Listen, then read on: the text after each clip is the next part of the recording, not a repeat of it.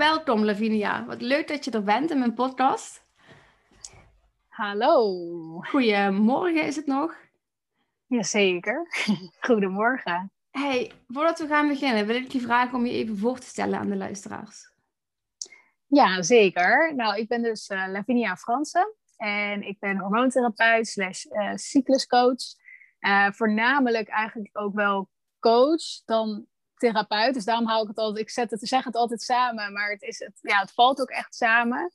Um, ja, ik help vrouwen met uh, hormonale disbalansen. Dus ook met hun hormonen meer in balans te krijgen, maar ook zich beter, fitter te voelen. En ja, een van die methodes die ik daarbij gebruik is dan het leven volgens je cyclus. En ook eten volgens je cyclus. En uh, ja, dat heeft al heel veel vrouwen ja, met veel resultaten geholpen. Dus dat is erg leuk. Mooi. Ja. En je zegt, ja, je bent en hormoontherapeut en cycluscoach. Dus Ja. eigenlijk vrouwen op twee vlakken. Ja, uiteindelijk is het natuurlijk, kijk, de cyclus gaat om hormonen. Hè? Dus uiteindelijk, ik hoef het niet per se te benoemen. Maar het is nog best wel nieuw voor veel vrouwen. Dus daarom wil ik het wel benoemen. Zodat mensen, ja, vrouwen wel kunnen denken: hé, hey, cyclus, oh, wat leuk dat jij echt daarop werkt. Want ja, je hebt natuurlijk therapeuten, maar we hebben zoveel therapeuten. Dus ik probeer daarmee mezelf wel te onderscheiden, ook eigenlijk van de rest. En dat ik me echt daarop focus. Maar ik heb natuurlijk ook hormoonstudie gedaan. Waarmee, en ik hou natuurlijk rekening met de hormonen. Dus ook, het ligt er heel erg aan of iemand in een één op één traject bij mij zit. Dan kijken we natuurlijk naar het hele totaalplaatje. Uh, maar ik heb ook nog een online cursus. En die is echt puur gericht op die cyclus. En dat is natuurlijk iets minder persoonlijk. Uh, maar ook daar ga ik op de hormonen in. Maar als ik echt ja, als, als mensen echt op basis daarvan geholpen willen worden, dan raad ik toch altijd één op één coaching wel aan. Omdat ja, elk persoon is weer verschillend. Het lijkt allemaal op elkaar en natuurlijk uh, is heel veel overlapt elkaar ook. Maar het is ook wel heel erg complex uiteindelijk. Ja, en ik, als ik dan denk, ja, hormonen is uiteraard ook nog meer dan, dan je cyclus, toch? Want je hebt ook hormonen nodig om wakker te worden, om concentratie te houden, ja. om in slaap Ja. te vallen. Ja, daarom. En dat pak je natuurlijk allemaal in één, in één zo'n, ja, op één op één traject kan je het bijna niet allemaal meenemen. Ehm, maar daar zijn natuurlijk ook weer testen voor die je kunt doen om echt te kijken naar waar zit nou de, de oorzaak, zeg maar. Waar, hoe, waar zit het nou, ehm, ja, mis vind ik altijd een beetje een verkeerd woord.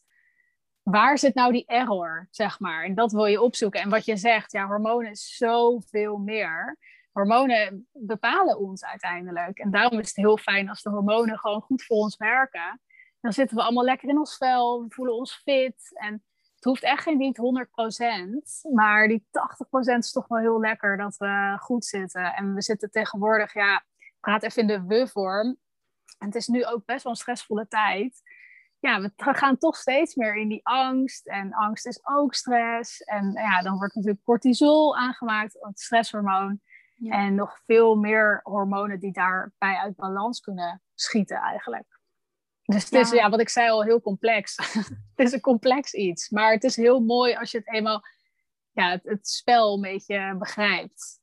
Er was een hoogleraar die zei tegen mij: We zijn eigenlijk allemaal gewoon breinen en een zak hormonen. Dat is eigenlijk het Ja. enige wat, eh wat ertoe doet als je echt gaat zoeken naar een oorzaak van langdurige klachten. Ja, En dat is Ja, me altijd bijgebleven. Dat ook inderdaad als je zorgen maakt of stress hebt, die cortisol die begint, hè, dat is de aanvangsfase. Dat heeft zoveel invloed op de samenstelling van je brein, waardoor je eigenlijk in een soort van negatieve ehm, spiraal terechtkomt. En die klachten alleen maar erger worden, omdat ook je brein wordt ingesteld op, oeh, we hebben een periode van, van langdurige stress. En ook de, ja, je backup functies, dus de functies die het moeten herstellen eigenlijk, hè, die, die Mm. stressreactie, die worden kleiner, die worden minder krachtig. ja Klopt toch? Of niet wat ik Ja. nou aan het houden heb? Hè? Ja, zeker. Ja, ja, ja. En we hebben natuurlijk ook nog het brein in onze buik. Weet je, de darmen. En daar zit natuurlijk ook heel veel...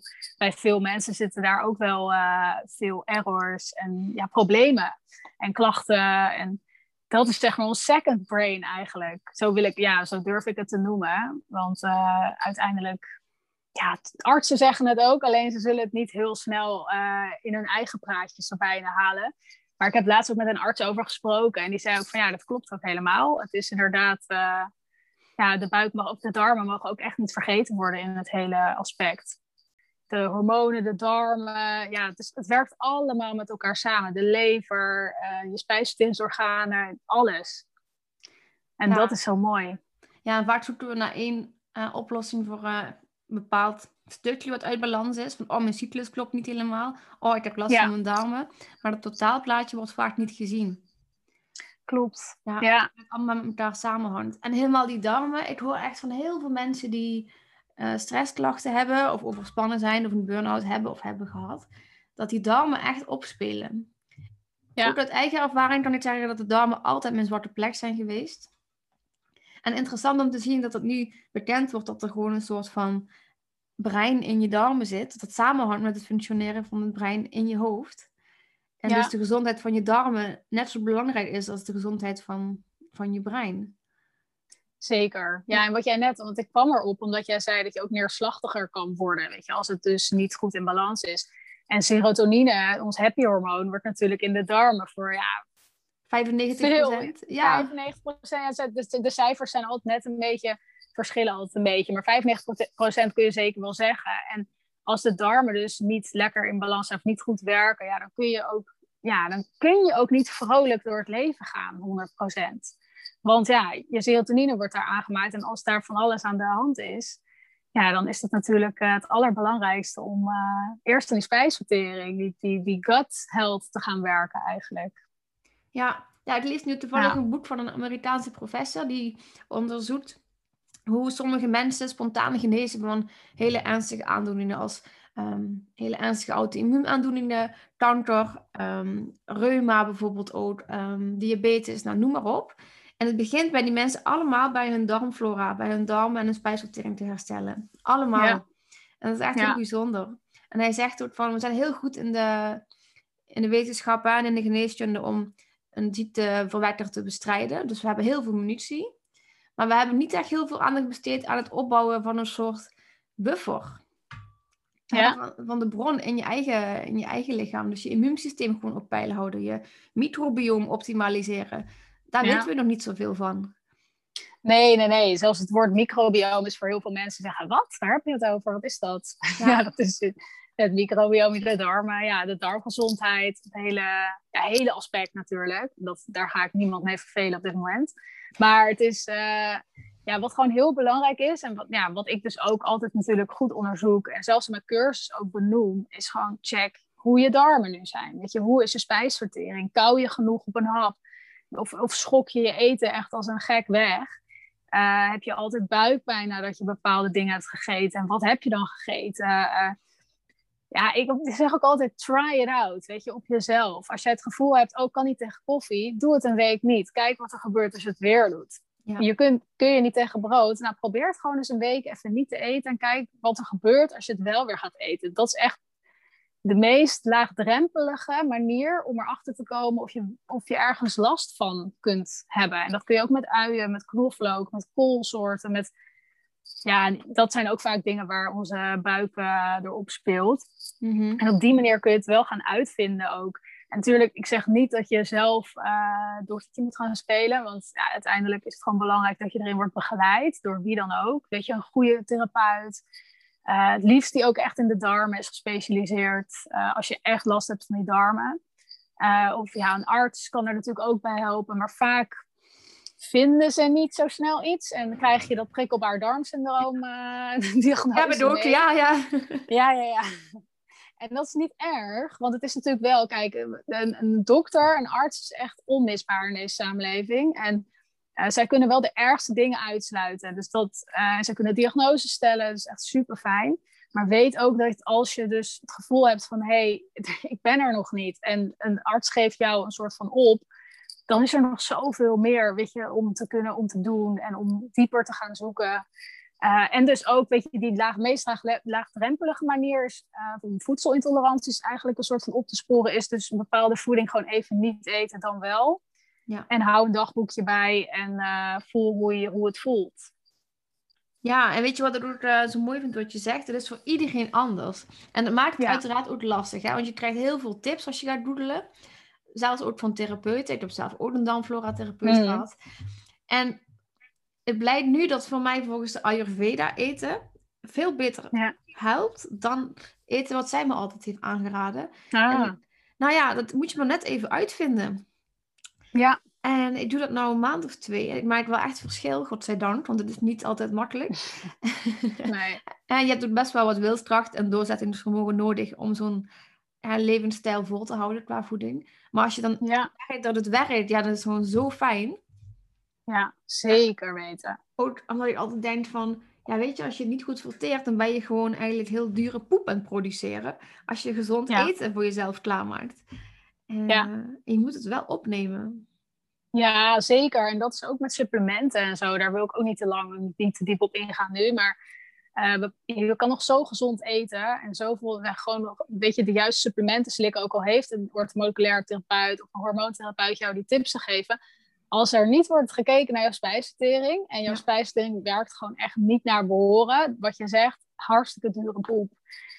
en, en plas, want je, je, het gaat gewoon letterlijk, het, het, het, het doet niks. Het doet iets en het is zo duur. Weet je, het, uiteindelijk als je die gezonde leefstijl, het is een investering, het is een super mooie investering in jezelf. Ja. Maar je wil dus ook dat het wel iets doet en dat je niet denkt van, hè, wat, eh, voor mijn gevoel merk ik niks. Ja, en interessant ook trouwens om dat te koppelen aan je cyclus. Want althans, bij mij is het zo Ja. dat ik op bepaalde momenten in mijn cyclus meer kan hebben dan op andere momenten. Dat Dus- klopt. Dan zie je weer hoe die hormonen toch ook wel een invloed hebben op je spijsvertering. Zeker weten. Ja, ja, ja. Dat is vooral dan die folliculaire en ovulatiefase kun je veel meer hebben. Ja, wat ik uit ervaring kan zeggen, ik heb altijd, ik vind mijn lichaam altijd het mooist. Rond die fase ook, weet je. En ik heb nu trouwens echt dat mijn PMS is wel echt weg. Eh, want ik had heel erg ik vocht ging vasthouden, ook na die ovulatie. Dus dan dacht ik al, pff, weet je, jeetje. Je, je, je zult gewoon iets voor je gevoel extra mee. Ehm, maar het is inderdaad die folliculaire ovulatiefase kun je veel meer hebben. Vaak dan eh, in die luteale en die menstruatiefase. En zeker als je te hard gaat, dus blijft aanstaan in die luteale en menstruatiefase, dan gaat het heel erg tegen je werken. Dus dan ga je vocht vasthouden, eh, je voelt je niet, ja, je gaat cravings krijgen heel erg. Waardoor je dus ook met je buik waarschijnlijk ook weer gaat opzwellen. En omdat je allemaal dingen gaat eten die je eigenlijk niet wil eten. En ehm, dus dat is uiteindelijk wel heel belangrijk om na de ovulatie, even een tip tussendoor, echt goed veel vezels te blijven eten. En, maar wel vezels uit dus zoete aardappel, dat soort dingen. Dus niet uit, eh, ja, niet uit snelle koolhydraten, geen ontbijtkoek en dat soort dingen. Want ze zeggen allemaal, er zitten vezels in, maar maak alsjeblieft je eigen ontbijtkoek met gewoon de juiste liefst, ja, glutenvrij ligt natuurlijk aan of je er wel of niet tegen kan, maar gewoon de juiste meelsoorten en eh, ja, psylliumvezels, dat soort dingen. Dat helpt wel echt heel erg als je last hebt dus van je darmen meer na die ovulatiefase. Oh, wat Wanneer heb jij er, wanneer heb jij er veel last van? Ehm, nou, misschien moet je eerst even die fases uitleggen voor de mensen die die termen Ja. niet kennen. En dan ga ik Ja. dan vertellen wanneer ik er het meest last van heb. Ja, dat is goed. Ik, eh, nou, ik ga het even uitleggen. Je hebt natuurlijk, eh, officieel beginnen we met de menstruatie. Eh, dat is dag één. Voor mij is dat een, een afsluiter. maar dat, is, dat voelt voor mij heel erg zo. Maar goed, oké. weet je, even, laten, we Heel herkenbaar. Ja, we even in de termen blijven. Gewoon dat iedereen het begrijpt. Want dag één is vaak gewoon ja, die eerste dag eh, van je menstruatie. Ja. En ehm, nou, dan is je menstruatie klaar. Dan komen we in de folliculaire fase. Nou, en je voelt je vaak al een beetje zo aan het einde van die menstruatie. Voel je al iets lekkerder. Je hebt wat meer zin om dingen te gaan doen. Nou ja, dat is echt die folliculaire fase. Je merkt, ja, het is gewoon lente eigenlijk, zoals nu. lichter. Oké, Ja. die sneeuw laten we even buiten liggen. Maar gewoon zoals het vorige week was, lekker, lekker weer dat lenteweertje. Zo voel je ook na die menstruatie vaak van, oh, oh, ik ben er weer, ik voel me weer, ja, ik heb weer zin om mezelf naar de buitenwereld te tonen. Ja. Nou, dan komt die ovulatiefase.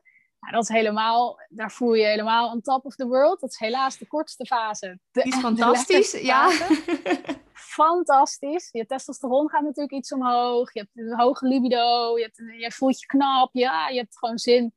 Ja, je hebt gewoon zin in. In alles. ja, je hebt gewoon heel veel levenslust. Ja, en alles. Ja, precies. ja, Ja, Ja, ja, Tenminste, bij mij heel erg veel behoefte aan sociaal contact en naar buiten Ja. en vrolijk. Ja. En, ja, ja. ga geen administratie doen tijdens je ovulatie. Dat is gewoon, dat is, is zonde van je, van je levenslust tijd. Doe dat maar in die luteale fase die daarna uh, komt. Want dan ga je dus wat meer in de kalmte eigenlijk. Je gaat in de, de vertraging in. En uh, de luteale fase duurt ook wel eigenlijk toch wel het langst bij de meeste. van de, hele cyclus. Dat is de herfst. Dus je wil uiteindelijk je herfst gewoon lekker ingaan. En niet als een soort raket inschieten, zeg maar, na je ovulatie. Want dat is wat we vaak meemaken. En dat is wat ik zelf ook heb gehad. Heel erg die PMS. Uh, dan werd ik zagrijnig. Nou, ik werd letterlijk gewoon een draak. Um, ja, zonde. Want het is gewoon voor niemand leuk en voor jezelf al helemaal niet. Ehm, maar goed, dat is dus die fase die, ja, door juist wat meer in de rust te gaan, de herfst, ja, letterlijk herfst, denk aan herfst. Uh, en daarna heb je dan de menstruatie weer natuurlijk, die ja. uh, volgt. En dat is echt je donkere dagen, echt rust, rust, rust, rust. Ja, ja mooi Wat je, hoe je dat uitlegt. Ja, voor mij is het zo, ik heb sinds anderhalf jaar een cyclus. Ik had voorheen altijd een Mirena-spiraal. Ik heb er vijf, vijf gehad, ja. Dus ik heb best wel lang een Mirena-spiraal gehad. 15 jaar ook volgens mij. En nu dus anderhalf jaar heb ik weer een cyclus. En in het begin was die heel onregelmatig. En had ik ook best wel wat klachten, moet ik zeggen. Ik had uh, heel veel pijn rondom mijn ovulatie. Echt urenlang brandende pijn, alsof er messen hmm. in me werden rondgedraaid. Ik wist niet wat me overkwam. En ik had ook altijd heel veel kiestes rondom mijn borsten en in mijn oksels als het ongesteld moest worden. Ik had buikpijn als het ongesteld werd. En ik was gewoon een wrak die dagen voor mijn menstruatie. Ik zwol ook op, dat vocht vasthouden, heel herkenbaar. En sinds ik dus beter ging opletten, vooral ook rust nemen, maar ook andere voeding eten, ehm, mediteren, meer naar buiten, dus veel meer voor mezelf zorgen, zijn eigenlijk al die klachten verdwenen. Ik voel mijn ovulatie ja. wel. Ik had hem toevallig gisteren. En ik voel hem het eitje schieten. En het is ja, een paar minuten van... Oh, oh, en dan, dan is het weer weg. Dus ik voel hem nog steeds. Maar het doet echt niet meer, uh, niet meer die pijn die het eerst deed. Ik heb geen kiesjes meer in mijn borst. Dus wel ook niet meer op. Ik heb geen buikpijn meer. Het enige wat ik nog wel heb, is dat ik emotioneler ben twee dagen van tevoren. Voor mijn menstruatie. En ook in die dagen heb ik ook meer last van mijn buik. Ja. wat heb je dan last van? Echt van je darmen? Of, Ja, echt van mijn darmen. Dat ik veel sneller naar de wc moet. Ja. Ja. ja. Ja, dat kan ook wel kloppen hoor. Je hebt ook vaak in je menstruatie dat je ook vaker uh, naar de wc moet. Dat is ook helemaal logisch. Dat hoort er helemaal bij. Want veel vrouwen dan zoiets, oh, waarom moet ik nou drie keer per dag uh, ineens naar de wc om te poepen? Ja, dat is dus letterlijk ook zo bepaald. Dus ik vind het altijd juist heel fijn. Ik heb altijd het idee dat het juist allemaal loslaat of zo in die fase, gewoon letterlijk. Maar daarvoor snap ik heel goed dat dat ook uh, kan stagneren ook even. Ja, ik las ook dat er stofjes zijn die dus je baarmoeder laten samentrekken. En die stofjes kunnen ook invloed hebben op je darmen. Dus die krampen die je in je baarmoeder hebt, die kunnen ook in je darmen gebeuren. Dus daardoor moet je ook vaker naar de wc om te poepen. Dat heb ik dus ook. Ja. Ja, ja, je krijgt gewoon echt, het is gewoon het verkeerde, die signalen zijn zo sterk dat het gewoon letterlijk doordreunt eigenlijk naar je darmen. Maar goed, het is, uh, en vaak voor veel vrouwen is het echt een opluchting. Van, oh, wat, ook vooral vrouwen die niet goed naar de wc kunnen gedurende ja, de rest van de cyclus. En dan tijdens de menstruatie kunnen ze ineens heel goed naar de wc. Dus ja, uiteindelijk wil je natuurlijk ervoor gaan dat je gewoon elke dag lekker naar de wc gaat. En dat je ja, menstruatie ook gewoon lekker verloopt zoals die hoort. Ja. Maar goed, daar kunnen we een hele blij dat ik nu, uh, Ik heb nu een regelmatige cyclus van 28 dagen, dus ik ben daar heel erg tevreden mee. Ja, super fijn. En die laatste kleine dingetjes, nou ja, dat, dat komt vanzelf nog wel, maar we zitten alvast een heel eind ja. weg. Ja. ja, en dat hoort er ook gewoon wel een beetje bij. Ja. Kijk, een beetje zagrijnig zijn voor je menstruatie is niet erg, maar kijk, een week uh, zagrijnig zijn voor je menstruatie, ja, dat is gewoon vermoeiend.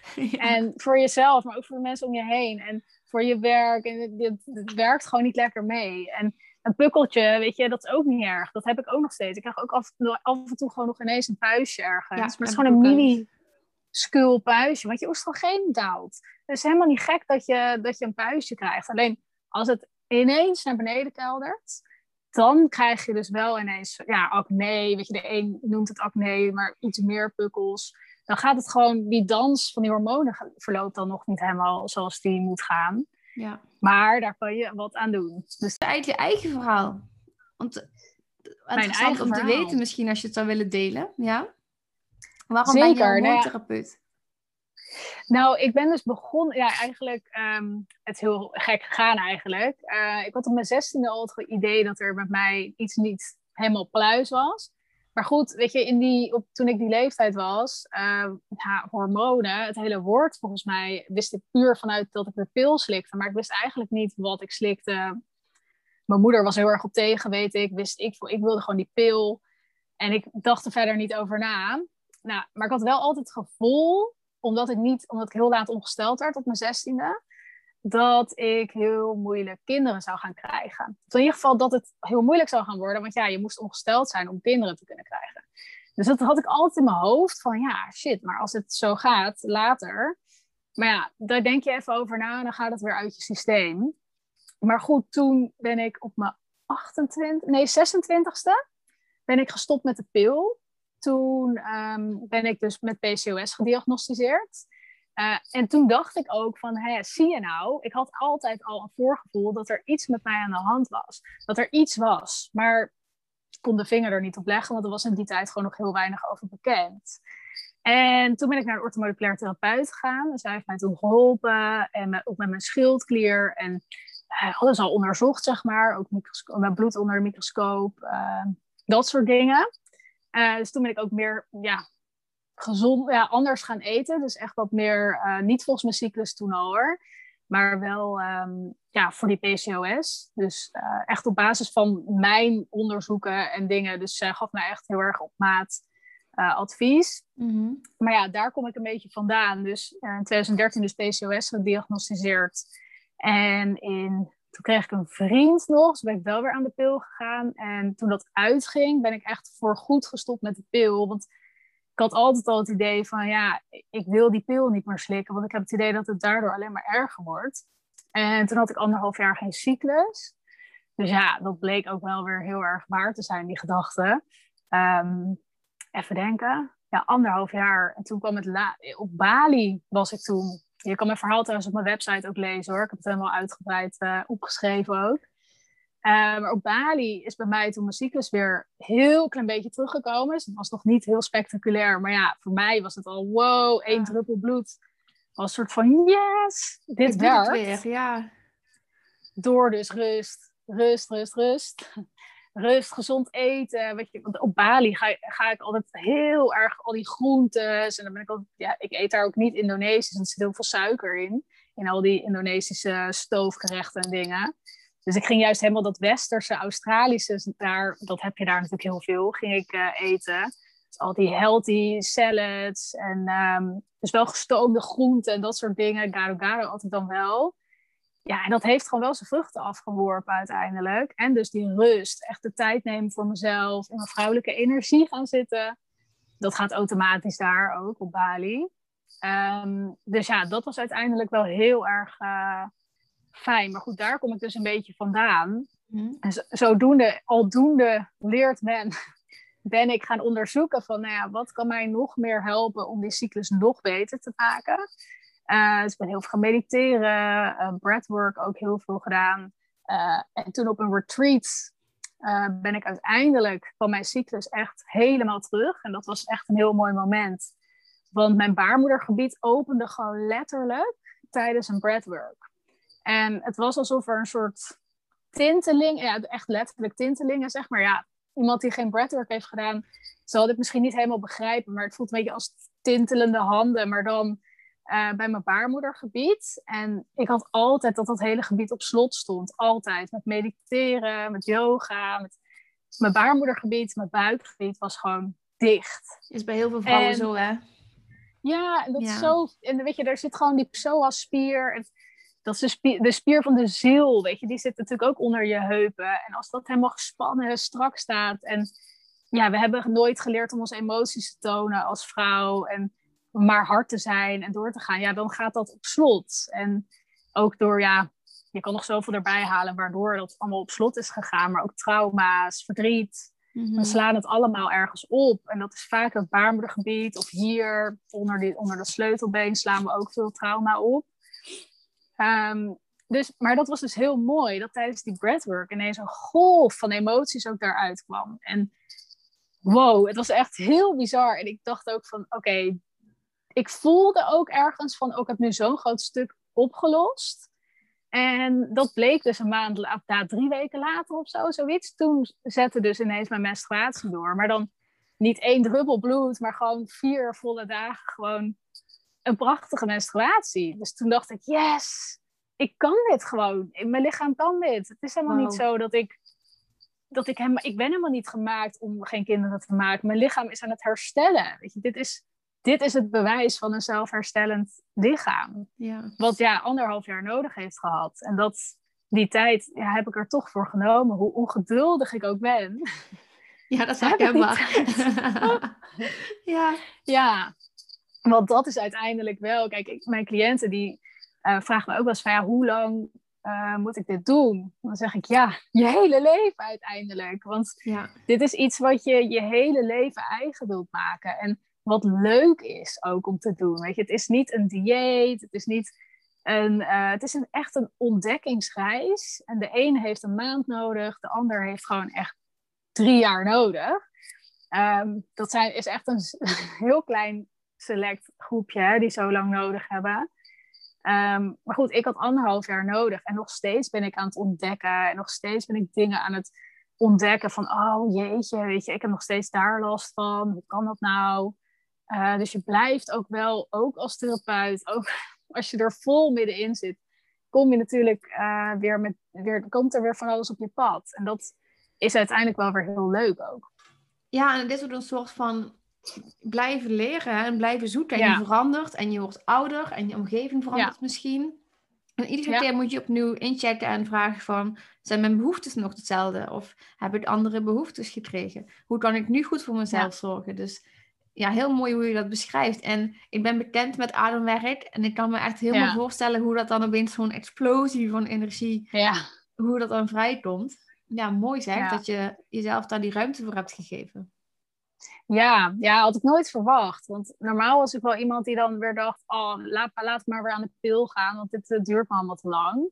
Maar iets in mij, iets, ja, dat is echt mijn intuïtie. Ik ben nu ook een studie aan het doen, intuïtieve ontwikkeling. En als ik nu terugkijk, was het gewoon letterlijk een stemmetje wat tegen me zegt: ga maar, het is oké. Wacht maar even. Het is, heb geduld. Het komt goed. Zo voelde het heel erg. Alsof er echt iemand in, influisterde. Ja, gewoon puur intuïtie. Gewoon. Ja ja, van het komt goed. Het komt echt goed. Dit kun jij. Dit is gewoon, ja, het, duurt even, maar niet zo letterlijk. Maar als ik terugdenk, denk ik, ja, er is altijd een soort guidance geweest. Door iets wat heeft gezegd, want ik ben zo ongeduldig met heel veel dingen. Weet je, ik denk weer, ja, laat maar zitten. Ja, dan, ja. Maar met, als je echt je intuïtie volgt, en dan, dan blijf je het ook wel volhouden. Hoe vervelend het ook soms en hoe ongemakkelijk het kan voelen soms. Van, ja, weet je, als vrouw, je, je voelt je snel al buiten de boot vallen hè, met dit soort dingen. Je voelt je heel snel van shit, ik voldoen niet aan dit. Ja. Ja, en mijn vriendinnen wel. En dan voel je heel snel anders. En ja, daardoor kun je heel snel ook gekke besluiten maken. Dus um, ja, ik heb wel anderhalf jaar heel erg acne gehad. Heel erg stemmingswisselingen. Ik had geen libido. Ik was vrijgezel ook. Nou, ik had ook totaal geen zin om met scharrels mijn hele libido was weg. Um, er waren gewoon heel veel dingen. Ik kwam kilo's aan en ik ben echt niet, uh, niet nooit dik geweest of uh, te zwaar. Maar wel dat ik aan mezelf merkte van, hè, ik pas mijn broeken niet meer en ik eet gewoon hetzelfde. Ik ging minder eten en daar kwam ik nog meer aan. Nou, dat was natuurlijk die schildklier die extreem uh, roet in het eten gooide. Ja. Dus het is wel altijd even... Doorbijten. Ja, het is wel doorbijten. Dat is wel echt, ja. ja. Terwijl ik ook geen discipline heb ik echt moeten leren. Dat is ook wel een. Uh, is niet iets wat ik in, met de paplepel. Uh, helaas. Nee, ja, eh, weet je, en ook, als het langer duurt, hè, dan vraag je je af van, oeh, doe het wel het goede? Gaat het wel de goede kant op? En ja, wat je zegt, dat anders voelen. Bij mij was het dan niet dat ik um, niet menstrueerde, maar vooral minder energie had dan de mensen om me heen. Minder dikke prikkels kom dan de mensen om me heen. En ik denk dat vrouwen al snel de neiging hebben om te vergelijken en van oeh, die kan dat wel. Of het nou menstrueren is of fulltime werken en een sociaal leven en sporten is. We hebben altijd wel, we zoeken een reden om onszelf te vergelijken. En komen we eigenlijk vaak altijd zelf als iets van een ja, minder goed presterend uit de bus. Ja. En wat ik nou bij jou een beetje hoor, is het, het is zowel een fysieke weg geweest, hè, op weg naar genezing, maar ook heel erg spiritueel. Dus echt contact vinden met je eigen intuïtie, met je eigen stem, durven vertrouwen. Ja, mooi. Ja. Ja. ja. ja, enorm. En het wordt alleen maar meer. En ik ben wel iemand, ik ben wel spiritueel die, en nog iemand die op, op de grond staat, zeg maar. Maar uh, dat, ja, het is zoiets moois. Weet je, er is zoveel meer dan alleen theorie of wetenschappelijke onderzoeken. En als je echt bij je lichaam en intuïtie gaat, gaat intunen, zeg maar. Er is zoveel, ja, zoveel moois. Ja. Wijsheid, uiteindelijk wat in ons al zit, in onszelf. Alleen het durven toelaten en erop durven vertrouwen. Ja, dat is gewoon prachtig. Dat zie je nu ook in deze corona. Ja. ja, je ziet het nu in deze tijd. Mensen gaan echt nadenken van, hè? Wil ik zo behandeld worden? In plaats van, ik laat me zo behandelen en ik volg gewoon de kudde. En ik zeg niet nu in deze podcast, je moet dit of je moet dat. Hè? Maar ik vind het heel mooi om te zien dat mensen zichzelf aan het ontwikkelen zijn. En heel erg gaan nadenken van, hé, hey, is dit voor mij? Is dit voor mij? Is dit mijn waarheid? Of, en niet protesteren of whatever, maar heel erg gaan voelen van, oh ja, nou, ik voel dit toch echt wel zo. En nou, voor mij is dit, dit de juiste weg. En daarop vertrouwen. Dat is echt heel ja, belangrijk. past er bij jou, hè? Die vraag is zo belangrijk. En überhaupt die vragen aan jezelf durven stellen, opent al deuren. Ja. En ook nog eens echt luisteren naar het antwoord dat vanuit je binnenste opborrelt, opent nog meer deuren. Maar daar heb je wel tijd voor nodig en rust. Ja. Ja. ja. Ja. ja. Ja, en die tijd hebben we. Alleen dat is vaak natuurlijk een illusie dat we denken dat we geen tijd hebben voor onszelf. Het is ook vaak bij mij, ik laat het weer even vanuit mijn eigen ervaring spreken, dat is vaak wat makkelijker. Um, ik heb heel lang het niet durven zien. Ik wilde het niet. Ik ging met mijn vrienden drinken, zuipen. Het hele weekend was ik op pad. Alleen maar aan het feesten, aan het doen. En ja, door de week is altijd heel gezond. en ja. Uh, ze noemen het in Amsterdam wel de yoga-snuivers. Dus die dan door de week maar yoga en helemaal... Ah, en dan in het weekend feesten, alles. Ik was niet extreem, maar ik was wel... Ja, ik hield wel van een feestje. En ja, uiteindelijk heeft dat me ook wel opgebroken. Want ik kwam er ook wel achter dat dat gewoon een vlucht was. Om niet met mezelf geconfronteerd te willen worden. En ja, dat opgeven was voor mij ook gewoon... Dat is ook een proces. En het is dus tijd, tijd voor jezelf maken. Heeft gewoon ja, maak daar ook gewoon zoveel mogelijk tijd voor, voor jezelf. Geef niet jezelf een deadline van, ja, vanaf morgen moet ik elke dag mediteren. Het woord moeten is al niet helemaal nee. niet. dus ehm, het begint echt bij hele kleine, hele kleine veranderingen, hele kleine aanpassingen in het leven en iets waar je je gewoon heel goed bij voelt. Dus um, ja, ik begon ook met, met 10 minuten mediteren per dag. Dat heb ik van Jan Geurts. Die was ook op het uh, retreat waar ik toen die openbaring had. En hij zei ook letterlijk van, tegen mij als advies van ah, ga niet meteen een uur mediteren elke dag. Want je, je kan weer. niet volhouden. Nee, je stopt weer. Ja, precies. Ik ben ook heel erg fan van die kleine stapjes. Iedere dag gewoon een klein stapje zetten in de richting die jij fijn vindt voelen. En waar je, hè, waar je ook zin in hebt om te doen. Want ik hou bijvoorbeeld niet zo van yin yoga. Ik krijg overal pijn, vind ik lastig. Nou, dus ik doe, ik weet niet hoe het heet, maar bewegende yoga bijvoorbeeld. En dan maar een kwartiertje. Dus zoek vooral naar manieren die bij jou passen. En waar je geen weerstand op hebt al bij voorbaat. Want dan hou je het echt niet vol. Nee, en dat is ook waarom ik net zei, diëten. Weet je, diëten is bij voorbaat al gewoon vaak een mislukking. Ja, heel lullig. Uh, het is zo, zwaar vaak. Zo intens en zwaar dat je het gewoon niet... Je kan het niet volhouden. Het is ook voor je lichaam niet...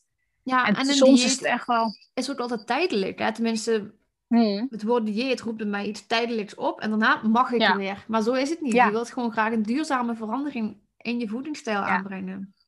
Ja, en dat heeft gewoon tijd nodig. Echt, het is, niet van, het is niet in één keer in een maand dat je dat allemaal maar moet doen en kunt doen moeten, laten we ook helemaal weg. Want dat is gewoon een vervelend woord. Uh, daardoor leggen we ook heel veel druk. Om dat te doen voor jezelf. Hè? Je maakt de keuze om weer voor jezelf te zorgen. Ja, en je goed te gaan voelen daardoor. En dan, soms is dus een retreat, kan ik heel erg aanraden aan mensen, omdat daar krijg je heel lekker, echt heel, ja, zoek wel het juiste retreat uit, maar vaak echt heerlijk eten en super voedzaam en helemaal over nagedacht. En vaak dan na zoiets denk je echt, yes, nu ga ik ervoor. En je kunt ook zelf met vriendinnen een bepaald retreat uh, maken als je niet het geld hebt voor echt gewoon een week een retreat. Want dat is natuurlijk ook niet, uh, niet voor iedereen weggelegd. Maar je kunt ook zelf met vriendinnen en desnoods huur je dan wel iets van een private chef in. Die gewoon jullie maaltijden maakt, die, die jij wil dat ze maken. Oh, dan ja, maak het gewoon. Ja. dat is gewoon heel laagdrempelig. En dan ga je bijvoorbeeld bepaalde meditaties. Of je koopt met z'n allen een meditatiecursus van iemand en je gaat dat dan doen. Of je, ga ook niet de hele dag helemaal vol plempen, maar ga juist neem dan gewoon even ruimte. Even een paar dagen echt even ruimte voor jezelf. Telefoons weg. Ja. Uh, en ja, het is uiteindelijk even dus ook de support van anderen. Dat helpt ook vaak heel erg om het vol te houden. Ja, als je het niet alleen hoeft te doen. Dat klopt. En hoe meer mensen in je omgeving dat ook doen, hoe meer je ook ervaringen kunt uitwisselen. Althans, dat vind ik heel fijn. Van, oh, welke meditaties vind jij fijn? En welke meditaties doe jij dan? En het is gewoon fijner als je het niet in je eentje aan het doen bent. Als je het gevoel hebt, er zijn meer mensen die samen met mij hier doorheen gaan. Ja.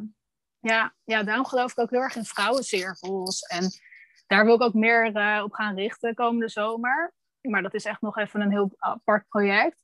Maar ik vind het zo belangrijk om met like-minded vrouwen, weet je, te kunnen, vooral voor vrouwen ook, omdat, ja, we hebben het gewoon even nodig. Weet je, het is ook leuk met mannen. Maar mannen willen eigenlijk vaak hun eigen cirkels, hun eigen crowd. En vrouwen willen gewoon vaak ook even lekker kunnen praten over bijvoorbeeld die cyclus en over de ja, symptomen die je kunt voelen. Of uh, ja, als je even rot voelt over dingen, dat je even kan klagen zonder dat mensen meteen vinden dat je zeurt. Dat je het gewoon even kwijt mag en dat je daar even mag zijn en dat jij helemaal mag zijn. Dat is waar, we, ja, waar ik vooral ook wel echt behoefte aan heb. Ja, als vrouw ook. Ja. Dat je helemaal gewoon als vrouw daar mag zijn. Ja, toevallig heb ik vorige week heb ik me aangemeld voor een vrouwencirkel bij een vriendin van mij. Die heeft het opgericht. Oh, en we beginnen volgende maand. Ik ben heel benieuwd. We gaan iedere maand, volle maan gaan we samenkomen. Heel leuk. En ik ben altijd ongesteld met volle maan. Dus voor mij is dat een mooi loslaatmoment. Ja. Ja. ja. en uh, ik ben heel nieuwsgierig hoe dat, hoe dat gaat zijn. Ja, leuk. Dat is, het is zo wel mooi. Dus online, want zij woont in België. En dus op dit moment is het niet helemaal haalbaar om dat in het echte leven te doen. Maar ik heb er wel uh, al zin in. Ja. ja, maar het werkt al. Die energie is zo, dat gaat door alles heen. Ja, uiteindelijk. Ja. ja. nog heel even terug, hè, want je hebt een tijdje de pil geslikt. Ja. Um, en nu weet ik dat de meeste mensen, als ze 16 zijn of nog iets jonger, je gaat naar de huisarts en je vraagt voor anticonceptie, dan krijg je gewoon de pil. Nou, bij mij was dat iets ingewikkelder, dus ik kreeg een Mirena-spiraaltje omdat ik niet bepaalde hormonen mocht slikken. Maar ah. uiteindelijk zit een Mirena-spiraal ook gewoon hormonen, alleen andere en wat lager gedoseerd. Ja. Hoe zou je daar... Hoe kijk je daar tegenaan? Tegen die gang van zaken dat je al heel jong vaak zomaar de pil krijgt en dan gewoon 10 jaar, 15 jaar de pil slikt tot je eventueel een kinderwens krijgt? Ja, ik heb daar laatst met mijn vriend over gehad. Want wij hadden het over, ja, stel nou we krijgen een dochter. Hoe gaan we dat dan doen, weet je? Hoe gaan we dan... Want ja, het liefst uh, zou ik natuurlijk niet willen dat mijn dochter meteen met die pil start. Ook omdat, ja, als je met de pil start voor je 21ste... Uh, eh, kan dat ook weer ervoor zorgen dat je LH-hormoon daardoor uit balans raakt, zeg maar. Dus ja, dat is even... We hebben natuurlijk de LH-FSH-hormonen. Ehm, maar er zijn bepaalde hormonen die daardoor minder goed kunnen ontwikkelen. Want uiteindelijk zijn er ook hormonen die ontwikkelen nog, zeg maar, uh, tot een leeftijd van 21. En als je dan die pil gaat slikken, wordt er eigenlijk al gesjoemeld, gesleuteld met synthetische hormonen. Mhm. En, maar goed, je hebt natuurlijk ook die leeftijd, heb ik ook meegemaakt. Ja, ik, ik was nou niet het meest verstandige, uh, de verstandige puber ik was heel rebels. Ik had gewoon, ik, ja, ik hield gewoon van een feestje. En ja, ik had wel een vriend, maar en ook best wel een lange relatie. Maar daarin was ik ook totaal niet voorzichtig. Dus mijn moeder zei ook, ja, jij gaat gewoon aan de pil. Hoe, mijn moeder was heel erg op tegen. Ehm, maar ja, ik, ik heb er dus over nagedacht van, nou ja, wat kun je nou doen? Kijk, het ligt heel erg aan de persoon, denk ik, als eerst. Um, ja, heeft diegene discipline. Uiteindelijk moet je ook de pil slikken. Dus kun je ook iets anders voorschrijven. Kijk, een spiraal. Voor, ja, jij was op jonge leeftijd dus al een spiraal. Ja, ik was ehm, net 17. Toen kreeg ik mijn eerste spiraal. Ja, ik mocht, geen, ik mocht niet aan de pil, dus dat was sowieso geen optie voor mij. En ik wilde wel iets veiligs. Want um, ja. Ja, het voelde gewoon op dat moment totaal niet veilig en ook niet fijn. Nee. Maar het was best pittig, want het was de enige uit een hele vriendengroep. Want niemand ging een spiraaltje nemen op zo'n jonge leeftijd. Ja. Je moest naar de gynaecoloog, je moest zo'n ene kreeg je in, je kreeg een echo. En het was nog zo jong. Um, ja. Dus het was best wel intens. En ik heb ook bij het eerste spiraaltje best wel een tijdje buikpijn gehad. Echt hele vervelende krampen. Ik denk zeker een maand of twee. Dan heb ik wel mhm. getwijfeld van laat ik hem zitten of haal ik hem eruit. En daarna was het weg. En daarna heb ik eigenlijk, nou ja, 15 jaar lang amper klachten gehad door het spiraaltje. Het werd ook nog amper ongesteld. Dat was eigenlijk heel fijn.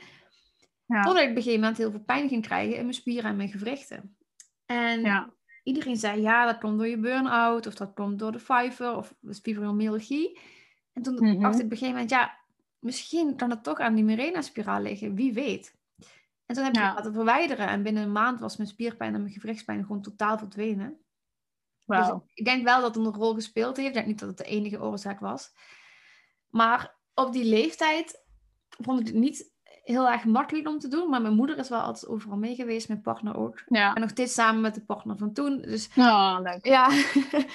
en ehm, ja, het was nou eenmaal gewoon ook zo. En ik wilde per se een koperspiraaltje. Want dat, ja, ik was nog, ik had nog nooit een kindje gekregen. Dus een koperspiraaltje zou nog wat groter zijn. Zou meer pijn doen. Dus dat wilde ik per se niet. En die Mirena-spiraal, die raadde iedereen mij toen ook aan.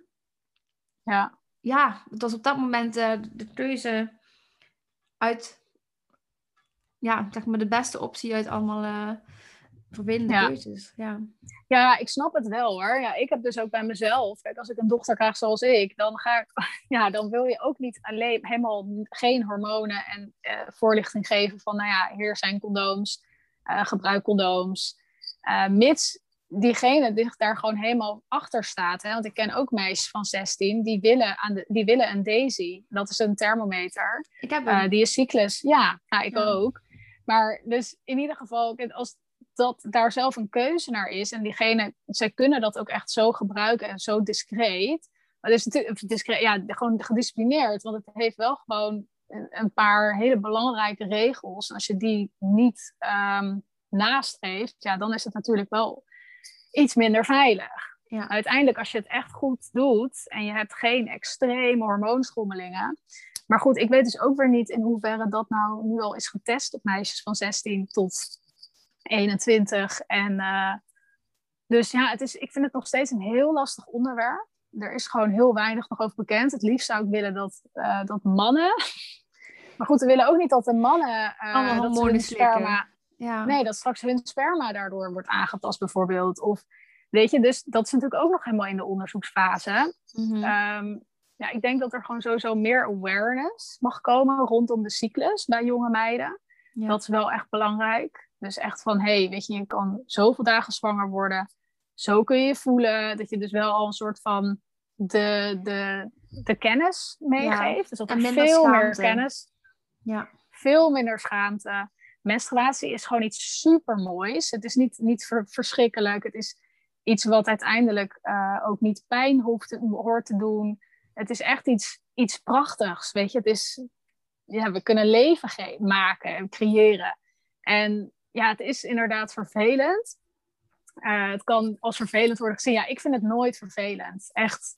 Voor mij is het nog elke maand een feestje. Nee. Nee, ik ben elke maand wel echt weer heel gelukkig dat, het, dat mijn cyclus gewoon regelmatig is. En er is. Ja, dat is wel een mooie manier om ernaar te kijken. Dat ga ik maar goed, integreren. ja ja, ik vier het gewoon letterlijk door ook dus heel veel selfcare en rust. En daardoor word ik ook gelukkig, want dan, ik, ik heb, zie het altijd van, oh yes, een paar dagen even lekker chillen, even lekker relaxen, tijd voor mezelf. En mijn vriend weet dat ook. Die gaat gewoon lekker zijn eigen dingen doen met zijn vrienden. En ik, die verwacht niet van mij dat ik meega. En ik geef zelf wel aan wanneer ik dan zin heb om mee te gaan of niet. En, um, maar goed, dat, ja, dat soort kennis is er nu gewoon bijna niet, weet je, bij jonge meiden. En jongens al helemaal niet. Jongens snappen al helemaal niet hoe een vrouwenlichaam uh, in elkaar zit. Ik denk ook dat mannen wat beter moeten worden. ook worden, ja, want uiteindelijk, die mannen zijn natuurlijk 365 dagen per jaar vruchtbaar. Vrouwen uh, zijn niet zo vaak, die zijn niet 365 dagen per jaar vruchtbaar. En wij moeten wel dus die pil slikken en uiteindelijk met de consequenties daarvan dealen als we niet zijn voorgelicht. Dus ik denk, ik heb niet iets anti de pil, um, maar wel anti dus heel lang iemand het laten doorslikken zonder bepaalde reden. Uh, ik heb ook tien jaar de pil geslikt, veel te hoog uh, gedoseerde. En uiteindelijk dacht ik, als ik nu terugkijk, denk ik, waarom heeft mijn huisarts nooit een tussentijdse evaluatie gedaan? Ja. Uh, weet je, ik was jong, wist ik veel. Ik slikte dat ding gewoon, ja, geen idee. Um, dus daarin vind ik, denk ik dat er iets meer actie mag worden ondernomen ook op het gebied van, oké, het wordt nu zoveel jaar gebruikt.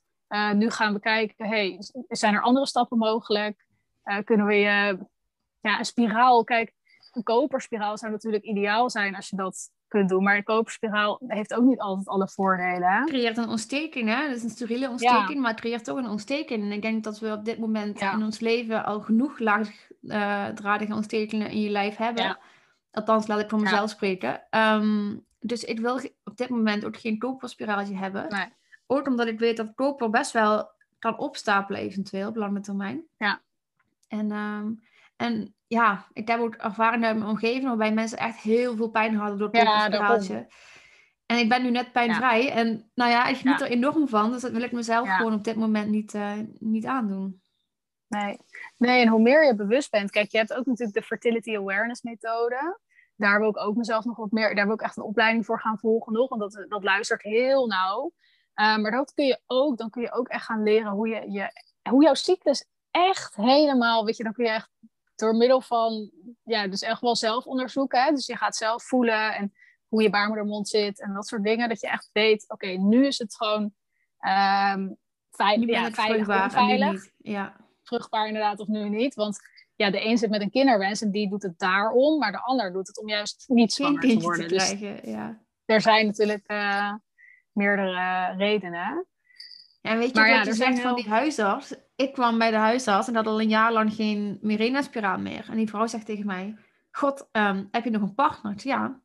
Ja, zou je niet aan de prikpil gaan? Want dit lijkt me heel erg onveilig. Oh, nee. En toen ging ik googlen en toen was er gewoon een normale website van gynaecologen die zeiden van je mag niet zonder reden aan de prikpil, dan krijg je gewoon botontkalking. En ik dacht, ja. de huisarts schrijft me gewoon eventjes hier de prikpil voor, als ik dat had gewild. Nee. Zonder ook maar iets te vragen van uh, hoe zit het verder met je?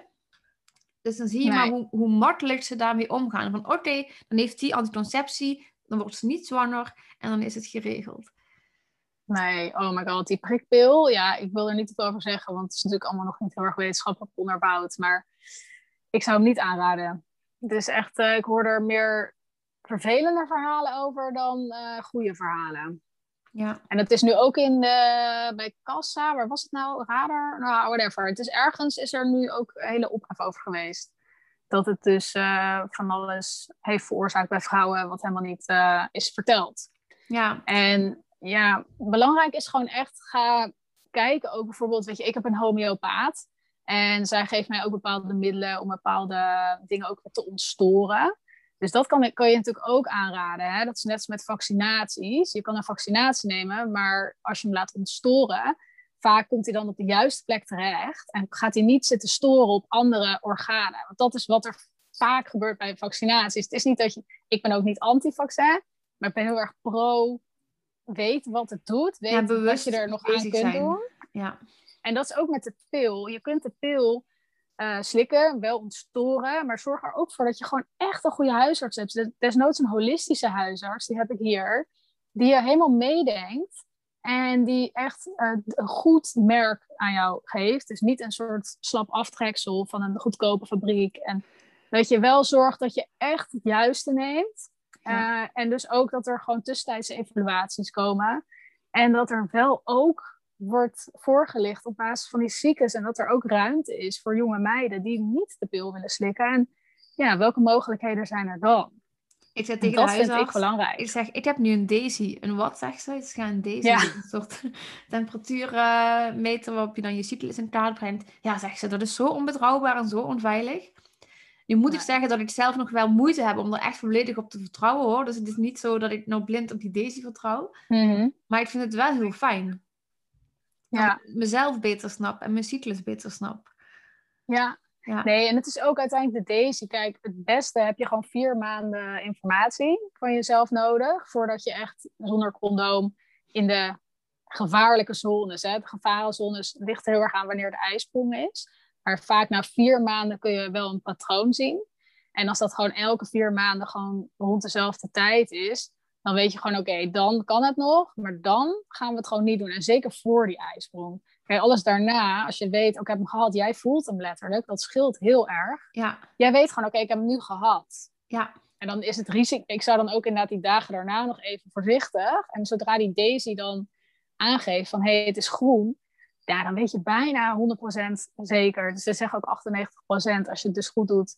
Zeker, net als de pil eigenlijk bijna. Het zit net 1% onder de pil, hè, betrouwbaarheid. ja, de pil is 99% betrouwbaar, klopt. Ja, Ja, want ja, weet je, met de pil. Ik ken ook mensen die door de pil heen zwanger zijn geworden. Omdat ze diarree hadden, dat ze antibiotica hebben geslikt. En dat ze het niet wisten op die leeftijd. Omdat ze ook niet goed waren voorgelicht. Ja. Ehm, en uiteindelijk, ja, of moesten ook overgeven omdat ze dronken waren. Of gewoon echt buikgriep hadden. En dan, nou ja, Ja. oeps.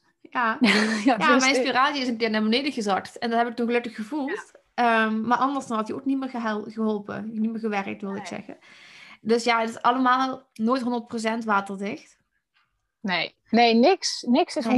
100% waterdicht. Want ook al heb je een hele rebelse dochter, eh, dan moet je er ook maar op vertrouwen dat ze die pil in, inneemt en ook voorzichtig daarmee is. Ja, het Ja. is uiteindelijk het allerbelangrijkste in dit hele ding, en dat is ook waarom ik dit werk ben gestart, is echt bewustwording creëren.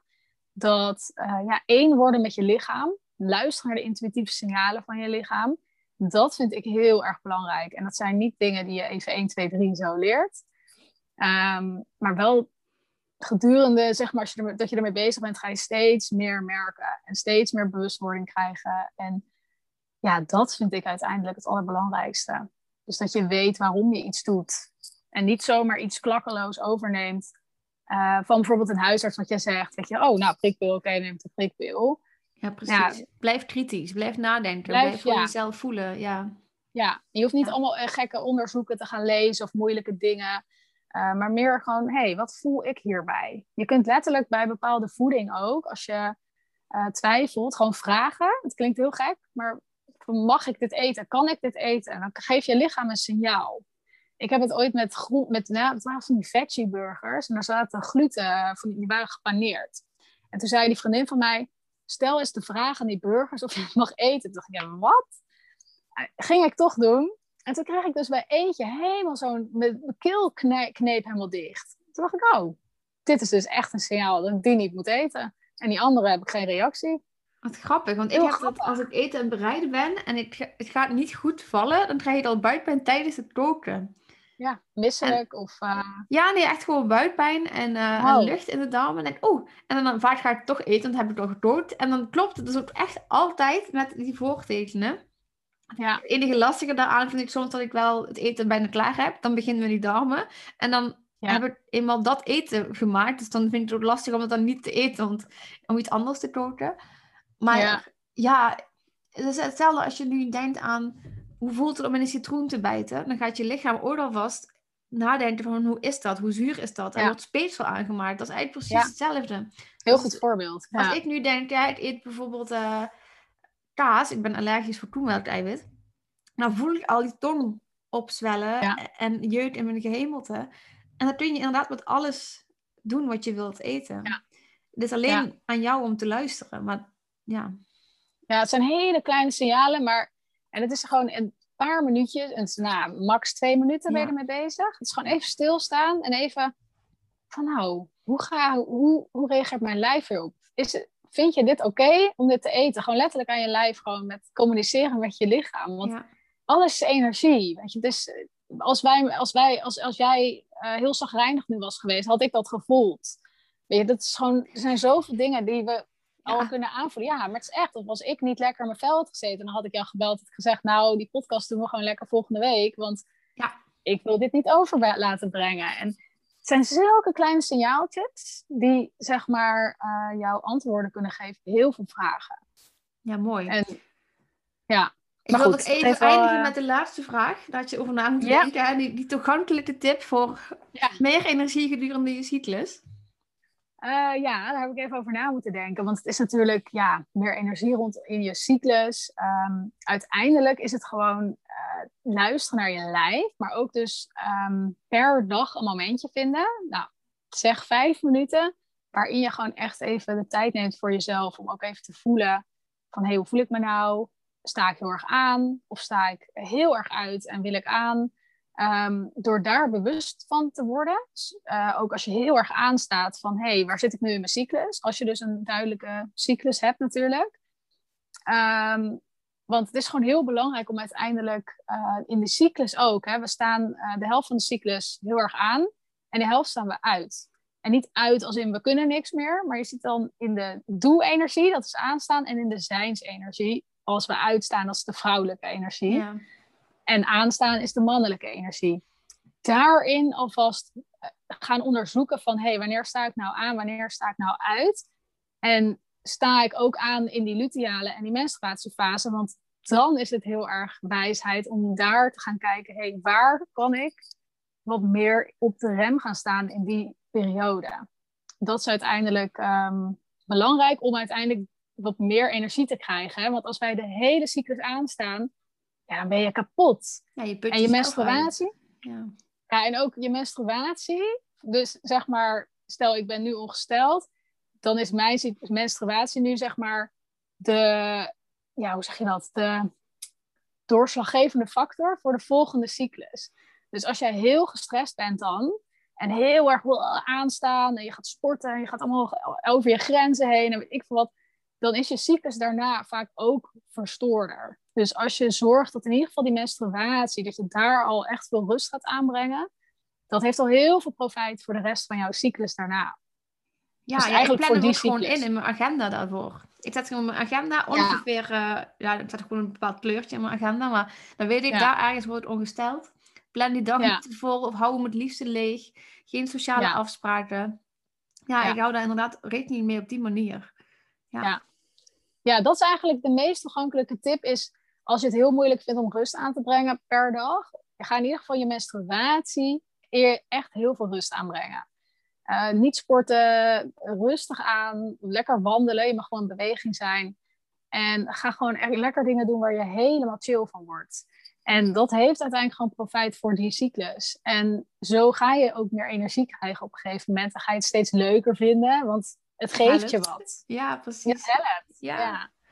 Ja. Ja, mooi. Hey, ontzettend bedankt. Je hebt heel veel interessante dingen verteld. Volgens mij kan ik nog uren Nou, met je doorkletsen. Ja. We gaan het langzaam afronden. Wie zijn vooral jouw klanten? Wie kloppen vooral bij jou aan en met welke klachten?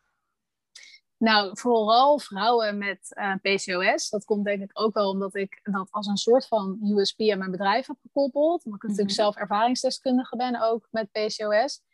En ja, uiteindelijk ga je het ook gewoon aantrekken. Hè? Als je waar je zelf mee bezig bent, ga je ook aantrekken vaak. Eh, maar het zijn niet alleen maar vrouwen met PCOS. Dat probeer ik ook altijd wel eh, duidelijk te maken. Ik ben erin gespecialiseerd, maar uiteindelijk ook in dus hormonale disbalansen.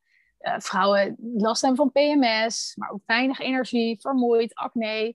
Allerlei ja, zaken die ook gewoon heel vervelend zijn. Maar het hoeft dus geen PCOS te zijn. Eh, darmklachten, kijk, als het echt extreem is, dan verwijs ik door naar een hele goede collega-therapeut. Eh, vind ik ook heel belangrijk om wel ook eh, bij je kracht te blijven staan. Dus natuurlijk spijsvertering kan ook heel erg bij helpen. Alleen als het echt nog dieper dan dat moet gaan. En er komt uit de bloedtest van alles, dan verwijs ik door. Dus ik heb ook wel een heel fijn netwerk om me heen waar ik weer aan kan doorverwijzen en mee samenwerk.